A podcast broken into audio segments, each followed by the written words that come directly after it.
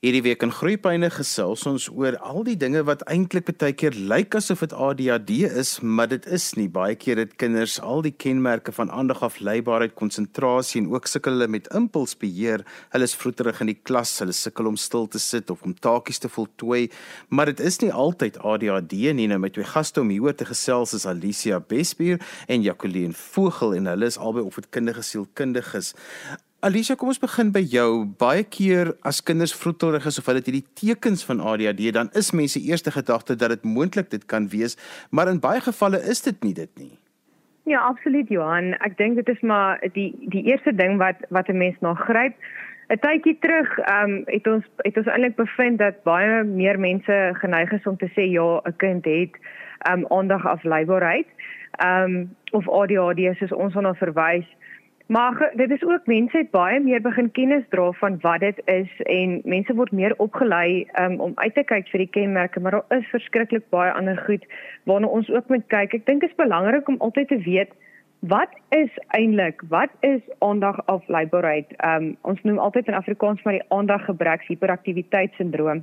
En dit is maar net om altyd bewus te wees dat al sien jy hierdie hiperaktiwiteit en jy sien hierdie impulsiwiteit, um moet jy ook onthou dat um, daai goeders moenie gepaard gaan met die ouderdom um, klas waar die kind um, hom of haarself in bevind nie. En dit moet altyd op twee are twee of meer areas in 'n kind se lewe um, moet daai simptome wees, soos by die huis en by die skool byvoorbeeld. Ehm um, en ons moet ten minste daarom kyk, daar moet 'n konstante probleem wees en dan moet daar 'n impak wees op akademies sosiaal. So daar's definitief goedjies wat ons kan uitlig om te sê wanneer dit nie ADHD is nie.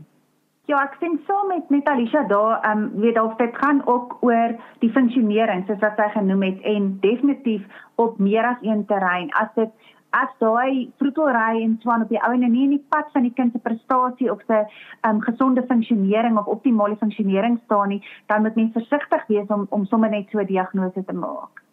So as dit dan nou nie ADHD is nie, wat anders moet 'n mens dan bekyk om die volle prentjie te kry? En baie keer voel ek dis baie keer eers waar 'n mens moet begin en dan kan 'n mens miskien aan die einde kyk of daar so 'n diagnose nodig is. Ek dink in vandag se se lewe presies waar ons osself nou bevind met al hierdie um faktore wat inspel. Um byvoorbeeld COVID-19. Iets wat ons baie keer miskyk is is angstigheid en en 'n uh, emosionaliteit binne in 'n kind baie keer as 'n kind angstig is of of homself of haarself emosioneel bevind, dan sien ons ook aandagafleibaarheid en ons sien ook rusteloosheid. Maar baie keer is 'n mens ook mense moet net kyk daarna dat daai nie dit moet saam met bekommernis gaan of of huiwerige gedrag um in terme van iets wat dalk in daai kind se lewe gebeur het. Dit lyk soos ADHD, maar dit is nie noodwendig nie. En ek sê altyd vir ouers Um dink altyd so aan jy is 'n groot mens wat, dalk gisteraand um jouself in 'n konfliksituasie bevind het. Vandag is jy by die werk teen 10:00 vanoggend, sukkel jy nog steeds om te konsentreer. Jy kan net nie jou jou take afhandel nie want in die onderbewussyn is jy nog steeds angstig of jy is nog steeds emosioneel of daai daai um onderwerp van gisteraand se gesprek is nog nie afgehandel nie. Ek stem saam daai en ek um wat ek ook altyd sê is, is dit voel vir my net moet altyd fisiologies begin. Met ander woorde gaan kyk is daar nie dalk een of ander fisiologiese oorsaak vir hierdie gedrag of hierdie hoe sal ek sê afwykende gedrag soos wat wat die onderwysers baie geneig is om te sê of wat jy optel hierdie beweging en ehm um, gaan kyk jy gaan skakel die fisiologiese ehm um, faktore uit wat byvoorbeeld kan wees as die kind het nie lekker geslaap nie, of die kind het dalk honger of hierdie kind is dalk aan um, sy sensoriese stelsel is uit balans uit en hy dalk sensories soek en hy wil beweeg want dan kry hy sy sensoriese stelsel in plek of hy dalk 'n kind wat maklik oorlaai raak met sensoriese insette van buitekant af en dit maak dan dis ook in sy fisiese wêreld en hy weet nie wat om daarmee te maak nie dat hy ou dan daarna gaan kyk en wat soos wat Alicia ook gesê het, um buiten dat angs en depressie in elk geval um komorbiditeite is van um aandagafleibaarheid, kan dit partykeer so 'n oor so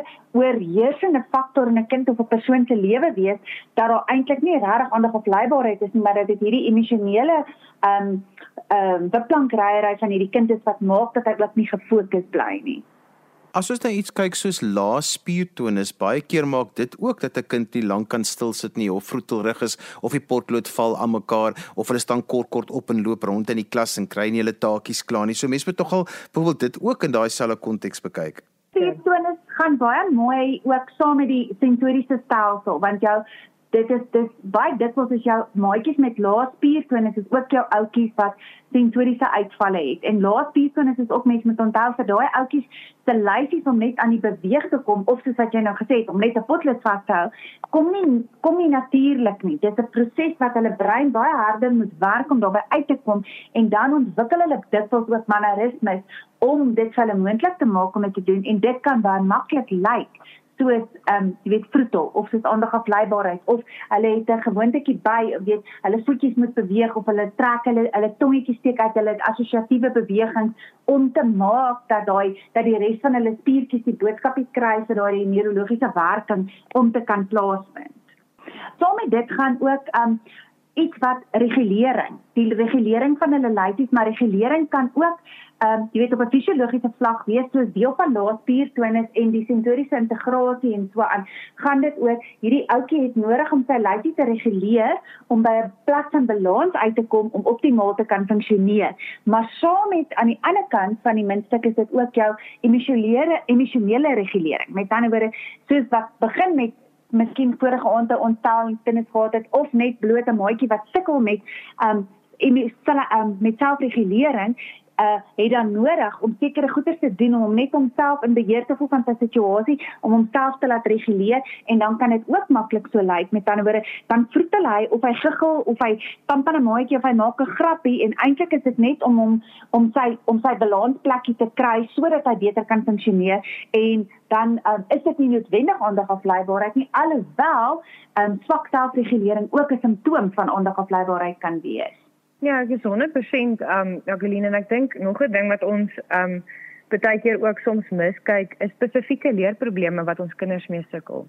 Um so 'n tipe kind sit ook in 'n klas en omdat daar so groot gesukkel is met om te kan lees of om te kan skryf, om wiskunde te kan doen en die vaardighede so ver alreeds agter is ten opsigte van daardie kind se ouderdom sien jy ook 'n um, aandag afleibaarheid um, simptome in die klas. Jy sien ook frustrasie. Jy sien 'n lae vlak van belangstelling in skool um skool um aktiwiteite en take en jy sien beperkte vermoë. En dit is ook iets wat ons begin optel in ons formele skooljare. En baie kere sal mense sê ja, maar daai kind is aandag afleibaar. Die kind kan nie stil sit nie. Die kind stel nie belang in in die aktiwiteite in die klas nie. staan op van sy stoel of haar stoel en loop rond en pla die ander kinders.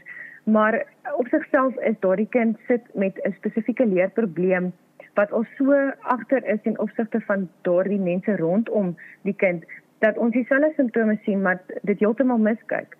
Dat ja, daar is baie woording en ek dink nou ek sien 'n spesifieke 'n maatjie wat ek in die praktyk gesien het so in my gedagtes. Ehm um, hierdie ouetjie het so hierdie ontvlugting wat jy nou van praat gebruik want dit was vir hom amper half makliker om in die moeilikheid te kom as juffrou met hom raas omdat hy opstaan of omdat hy die maatjie se potlood vat of omdat hy hierdie doen as wanneer juffrou met hom raas omdat hy die werkie nie reg gedoen het nie. So daai dit is regtig dit kan partykeer ook ehm um, weet hoe sal ek sê 'n rookskerm wees vir 'n uh, onvermoë dan gebruik hulle ontvlugting en hulle kom eerder in die moeilikheid deur stout te wees as deur om 'n mislukking te wees of om te voel ek is dom en ek kry iets nie reg nie.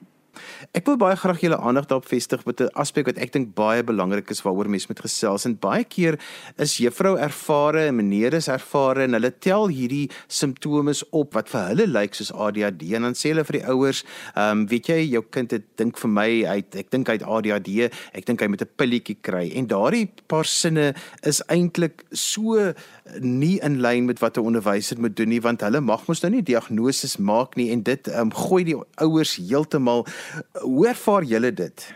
Weet jy Johan, ehm um, is interessant dat jy dit noem. Ehm um, ek dink ons moenie eintlik bang wees om hieroor te praat nie, maar dit is definitief 'n sensitiewe onderwerp ek dink by baie ouers op hierdie stadium. Ehm um, ek werk ook nou al 'n hele paar jaar in 'n in 'n skool opset ook en en dit is lekker om eintlik so saam met die onderwysers te werk. Ek weet daar's nie baie skole wat wat daai geleentheid het om saam met 'n opvoedkundige sielkundige in die skoolomgewing te werk nie. Maar ja, um, ons moet definitief nie die onderwyser uit die prentjie uitgooi nie. Hulle het eintlik baie keer baie baie meer insaal as wat 'n mens besef. Want 80% van jou dag spandeer daai persoon veral in die grondslagfase spandeer daai persoon tyd saam met jou kind en hulle maak goeie observasies, hulle sien die emosionele observasies, hulle sien die sosiale observasies en hulle kan die akademiese um of wanbalans sien um en en of hulle kan sien die konstante groei of nie. Maar um iets wat baie belangrik is is iets wat ek nou tans begin doen is om met onderwysers tyd soms spandeer en werkswinkels te doen waar ons dalk 'n bietjie meer um inligting op op hierdie um gebied plaas. Wat ons sê okay jy maak jou observasies maar hoe kan jy hoe kan jy die ouers verwys na na buite professionele persone daai advies terugkry en saam met daai persoon werk op die einde van die dag om so ouer die regte riglyne te gee Ek is ook gelukkig soos Alicia in die bevoordeelde posisie om betrokke te wees by 'n skool en so aan. En en ja, dis werklik 'n voorreg en wat ek altyd vir die onderwysers ook sê is in die eerste plek, stel jou net in daai ouers se skoene gestelde onderwyser sê vir jou dit oor jou kind, hoe sal jy dit ervaar dat 'n mens ook ja, daai inligting van kies die regte woorde, daar's baie maniere om 'n boodskap oor te dra, maar kies jou woorde reg ook. En dan moet die um die onderwysers moet ook besef en ouers moet ook weet elke ou moet sy plekkie van funksionering beskep besef.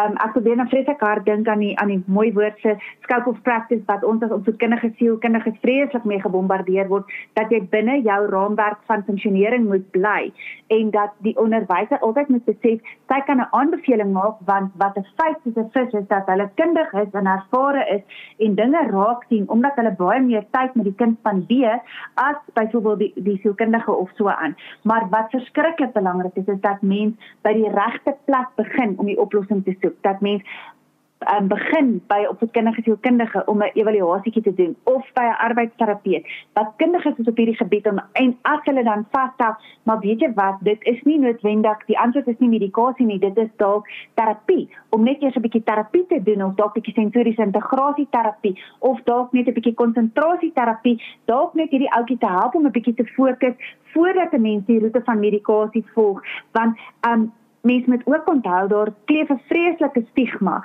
aan die voorskrif van medikasie en ehm um, die eerste reaksie wat ouers gee is, "O, oh, my kind gaan 'n zombie word." Mense is baie oningelig daaroor. So daarom is dit dit is fantasties Alicia as jy daai inligting doen dat 'n mens mense kan inlig want hoe kennis is mag. Hoe meer jy weet daar rondom, hoe beter kan jy dit hanteer. En dat mens altyd probeer um, vir onderwysers ook, ek sê ook vir hulle, probeer eers altyd vir die ouers ehm um, hoe sal ek sê amper op 'n alternatiewe maniere ehm uh, wenke gee. Sê byvoorbeeld vir hulle maar weet jy wat, hierdie ouetjie sit nie stil nie. So kom ons sit tennisballe onder sy stoel. Want dan gaan sy stoel beweeg en dalk gaan hy dan minder beweeg. Gebruik geel kaartjies, werk op die geel kaartjies en skryf met 'n swart pen daarop, want dit gaan sy aandag meer trek. Uh dit klein wenke dat mens wys dat 'n mens ook probeer om 'n oplossing te kry en nie net dadelik um, na 'n chemiese roete gaan nie, maar dat mens probeer om ander alternatiewe ook voor te stel.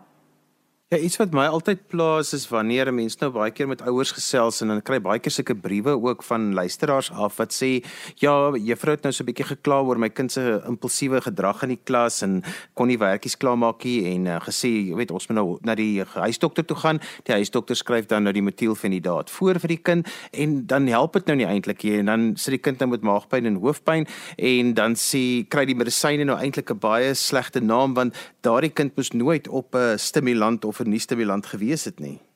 Mens moet onthou dit is 'n fisiologiese ding en mens moet onthou aandagafleibaarheid is 'n neurologiese disfunksie en daar's 'n wanbalans in die hormone in jou in die afskeiding van die neurotransmitters in jou brein en daarom as dit 'n fisiologiese rede het, dan gaan jy nie daai neeweffekte hê nie. En dis hoekom 'n mens ehm um, nie sommer eers na die as na 'n dokter toe gaan om die voorskrif te kry nie, maar na 'n kundige persoon.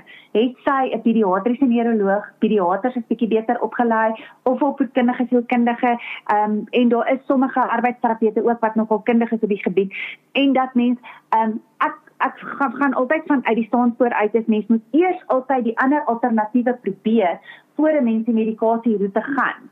Um, en dit is waar wat jy sê dit dit um, ons daai medikasie het 'n baie slegte naam en eintlik is dit 'n wondermiddel want dit maak 'n verskriklike verskil, 'n lewensveranderende verskil in sommige mense se lewens. Jy weet Johan, een ding wat ons nooit net miskyk nie is dit dit is baie keer wanneer dit kom um by 'n kind asof ons almal in in een rigting in beweeg en ons doen dit alleen. Dis of die ouers en kind alleen na 'n pediatriese neuroloog toe of dis die ouers en kind alleen vir 'n opvolgsessie by die opvoedkundige sielkundige of die ouer en kind alleen na onderwyser toe. Ek is ek is 'n baie groot voorstander vir 'n holistiese benadering en en 'n 'n absolute spanpoging waar mens kan regtig sit en jy doen die assessering as 'n opvoedkundige sielkundige, jy trek die onderwyser in, jy verwys na die pediatriese neuroloog toe, daai terugvoer kom terug en jy sit met die ouers, jy maak die aanpassings in die klaskamer, jy help die onderwyser om sekere nuwe strategieë in plek te sit en daarmee saam iets wat ons baie baie mis um, in die praktyk is is om regtig die opvolg te doen. Wanneer 'n kind op medikasie gesit word of um, daar's 'n ander tipe terapie metode wat probeer word, is dit so belangrik om opvolgsessies te doen en na 3 maande te kan kan sit en kyk wat is die veranderinge in die klas?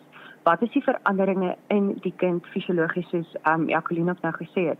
en al daai inligting konstant op die tafel te hou en aanpassings te maak en goedjies te probeer en dit in daai spanpoging te hou want op die einde van die dag het die ouers ondersteuning nodig. Die kind het ondersteuning nodig en 'n mens moet die regte middele inkry en ook nie van die onderwysers vergeet in die klaskamer nie. Iets wat ek daar net wil byvoeg, ekskuus ek, ek ek hou baie van wat jy sê van die spanpoging en die ding is wat dit my kop nou laat dink aan onmiddellik as 'n ouer 'n briefie kry, dan voel hulle soos 'n mislukking. Hulle voel maar wat het ek verkeerd gedoen dat ek hierdie briefie kry? En daarom is daai ondersteuningsding verskriklik belangrik en daarom by wie hulle ook al eers uitkom om raad te vra of om ondersoek in te stel na hierdie kind. Daardie persoon het 'n verantwoordelikheid om baie mooi vir hierdie ouers inligting te gee oor wat is die oorsake van hierdie situasie. Mooi ouerleiding te verskaf dat die ouers verby hulle skuldgevoel kom en die pad vorentoe stap. Met die soos jy ook genoem het Alisa met die regte strategieë en as 'n span en daar dit definitief um, ons lewe in 'n wêreld van in skool is in elk geval 'n 'n verhouding. Dit ek sê altyd van 'n driehoek. Dis die die onderwyser, die ouer en die kind. En dis die heeltyd 'n spanpoging en as daar 'n 'n leerprobleem op iets is, dan kom daar gewoonlik 'n kindergesielkundige of 'n arbeidsterapeut of 'n dokter by in hierdie spannetjie. Maar die spannetjie moet heeltyd saamwerk. Dit moet kettingkies wees wat in mekaar skakel dat hierdie dat 'n um, fietsie vorentoe getrap kan word en dat hy nie dat die ketting nie bly afspring en dat ons omval nie. Iets wat vir my altyd interessant is is baie keer dan word uh, kinders met ADHD gediagnoseer en en dan kry hulle medikasie en die ouers probeer dit maar dan werk dit glad nie. So op die manier is eintlik ADHD langs die pad um, dan nou uitgeskakel, maar daardie ouer vat dan daai boodskap en hoor nou van 'n ander kind wat nou ook metielfenidaat moet gebruik um, en dan is daai ouer baie om te sê vir die ander manier dit het vir my kind gewerk het gaan ook nie vir jou kind werk nie. Weet jy, dit kom weer terug op daai ding van as jy met medikasie begin om regtig um die onderwyser in te trek om saam met jou observasies te maak en jou kind dop te hou in terme van um emosies en sosiale interaksie en ook um hoe hulle eet eet um eetlus geaffekteer word en al daai goedjies moet 'n mens in ag neem. En dit baie keer en ek gaan dit weer sê van baie keer um begin ons met medikasie en dan besluit ons in die eerste 2 weke dit werk nie en ons gaan nie terug nie. Ons gaan nie terug na na die pediatriese neuroloog toe nie en ons maak nie aanpassings op die medikasie nie. Ja, daar is baie medikasies daar buite. En wat werk vir jou kind, werk dalk nie vir 'n ander kind nie en dit is wat ons absoluut nie maak op die einde van die dag. Maar dit is dit is die een ding wat vir my die belangrikste is om aan ouers te kommunikeer is wanneer jy begin op daai roete, maak seker dat jy gaan vir 'n opvolgsessies en moenie bang wees om jou observasies um, op die dokter se tafel te sit en te sê hoorie um, ek hoor dit jy sê maar ek ons het hierdie opgetel en die onderwyser het dit opgetel. Wat is jou opinie daaroor nie? En dit is wat baie keer gebeur. Ons begin die proses en ons onsself besluit dat dit werk nie en ons is dan nie bereid om terug te gaan nie. En ons stop dan net medikasie ons probeer alle ander natuurlike aspekte of ander terapieë om om 'n uitweg te soek om om op die einde van die dag 'n beter funksionele um funksionele aspek van ons kind te bied. Wat belangrik is of, om aan te sluit daarbey is dat mense moet onthou elke liewe kind is uniek en iets wat ek in my ervaring al opgetel het is ook dat um soos wat hulle ontwikkel en soos wat hormone want onthou jou jou konsentrasie word beïnvloed deur jou hormone en al daai tipe goed ook verander die werking van die medikasie ook en daarom werk die een soort medikasie byvoorbeeld uitstekend vir een kind, maar vir die volgende kind werk dit glad nie. Of die een medikasie werk goed en dan as jy volgende na die volgende dosis toe gaan, dan het jy ewe skielik 'n klein monster. En daarom is daai soos wat Alicia ook reg sê, daai opvolg, daai deurlopende opvolg en dis waarom ook as jy wel op hierdie medikasie gaan, is dit verskriklik belangrik. Dis nie jy kan nie 'n herhaal voorskrif kry nie. Jy moet elke kort kort teruggaan vir die volgende voorskrif. Die dokter moet jou kind mooi meet, na sy hartklop luister en weeg, want dit weet om te kyk na die groei en al die ander effekte wat dit daarvan kan hê. Maar wat verskriklik belangrik is, is mense moet onthou dat vir hierdie medikasie om hulle werk behoorlik te kan doen, beteken dit daar moet genoeg proteïene en water en Vitamiene B in jou lyfie wees sodat hierdie um medisyne hulle werk behoorlik kan doen. As daar 'n tekort aan daai is, wat dikwels gebeur omdat die kinders se eetlus negatief beïnvloed word, eet hulle nie noodwendig die regte kos nie en dan kom daar hoofpyn, die ma maagpyn, die naarheid, die duiseligheid word net al hoe meer. Maar as jy al na weer eens daai holistiese prentjie, die dieet mooi aanpas en sorg dat die kind gesond eet, gesond oefen, gesond slaap, dan behoort hierdie medikasie um beter te werk. Maar dit is weer eens daai ding van dis belangrik dat ons mense in die samelewing moet opvoed dat hulle nie altyd hulle ore moet uitleen vir elke Jan Rapp en sy maat nie want elke kind is uniek. Ons het gekom aan die einde van vandag se program. Ek wil graag so laaste slotgedagte van elkeen van julle hê oor aandag afleibaarheid, konsentrasie, impulsbeheer en die dinge rondom dit en dan ook sommer sê hoe mense met julle verder kan gesels as hulle wat julle wil kontak maak. Alicia Bespier, jy's daar uit Pretoria Oosheid. Vertel vir ons vir my die belangrikste ding is om aan ouers op hierdie stadium te sê fokus op jou kind se sterkpunte ook. Ons weet ons as ouers en ek dink dis hoekom ouers baie keer so moedeloos is as hulle briefies kry, maar jy weet wat is die goed wat jou kind mee sukkel. Jy weet wat is die goed wat jou kind mee um, by die huis moeilik vind en in sy huiswerk moeilik vind. Fokus en herinner altyd jou kind aan dit waarna hulle goed is ook. En ek sê altyd vir ouers um, is dit belangrik vir 'n kind om te te weet dat jou maatjie lees dalk beter as jy, maar jy is goed in sokker. Ehm um, en jou maatjie is dalk nie goed in sokker nie. Dit is wat ons uniek maak. Daar gaan altyd ietsie wees wat jy nie so goed gaan doen as iemand anders nie, maar dit beteken nie jy het sterk kwaliteite en dat jy ook spesiaal is en dat jy ook ehm um, goed is in iets nie. As mense met my wil kontak maak, ehm um, soos Johan gesê het, ek is in Pretoria Oos in Ferry Glen in privaat praktyk. Hulle kan my kontak by 063 110 6917 of by aliciabestbier.edp@gmail.com. En dan Jacqueline Vogel, jy's daar in Centurion se area, jy daar 'n privaat praktyk. Dit so laaste gedagte en ook hoe mense met jou kan kontak maak. Ja, weet jy wat die belangrike ding is dat elke ouer moet onthou, elke kind van hulle is uniek en dat hulle kind moet onverwaarlike aanvaarding ervaar by hulle en onverwaarlike liefde en ook daar dat die kind sal weet maak nie saak hoeveel briefies my mamma van die skool af kry nie my mamma en my pappa gaan saam met my hierdie pad stap en hulle aanvaar my en um, wat daarbey goed aansluit is soos Alicia al gesê het om daai sterkpunte vir hulle uit te wys en ook dan daar rondom te werk en ook wat vir my ook baie belangrik is is dat um, ouers en kinders moet besef moenie te trots wees om hulp te vra nie, om ondersoek in te stel nie, want daar is 'n oplossing vir elke probleem. Ehm um, en mense kan my gerus kontak. My privaat praktyk is in Vira Park in Centurion. Ehm um, dis die maklikste is om my maar via e-pos te kontak. jacoleenpgl@gmail.com. J A C O L E E N P G L@gmail.com. En daarmee het ons gekom aan die einde van vandag se groeipyne. My twee gaste was Alicia Bespier en Jacqueline Vogel en is albei opvoedkundige sielkundiges en ons het vandag gesels oor as dit nie ADHD is nie, wat is dit dan? Onthou jy kan weer na vandag se program luister as 'n potgooi, laai dit af by resgep.co.za. Skryf gerus my e-pos by groeipyne@resgep.co.za. daarmee groet ek dan vir vandag tot volgende week van my Johan van Lille. Totsiens.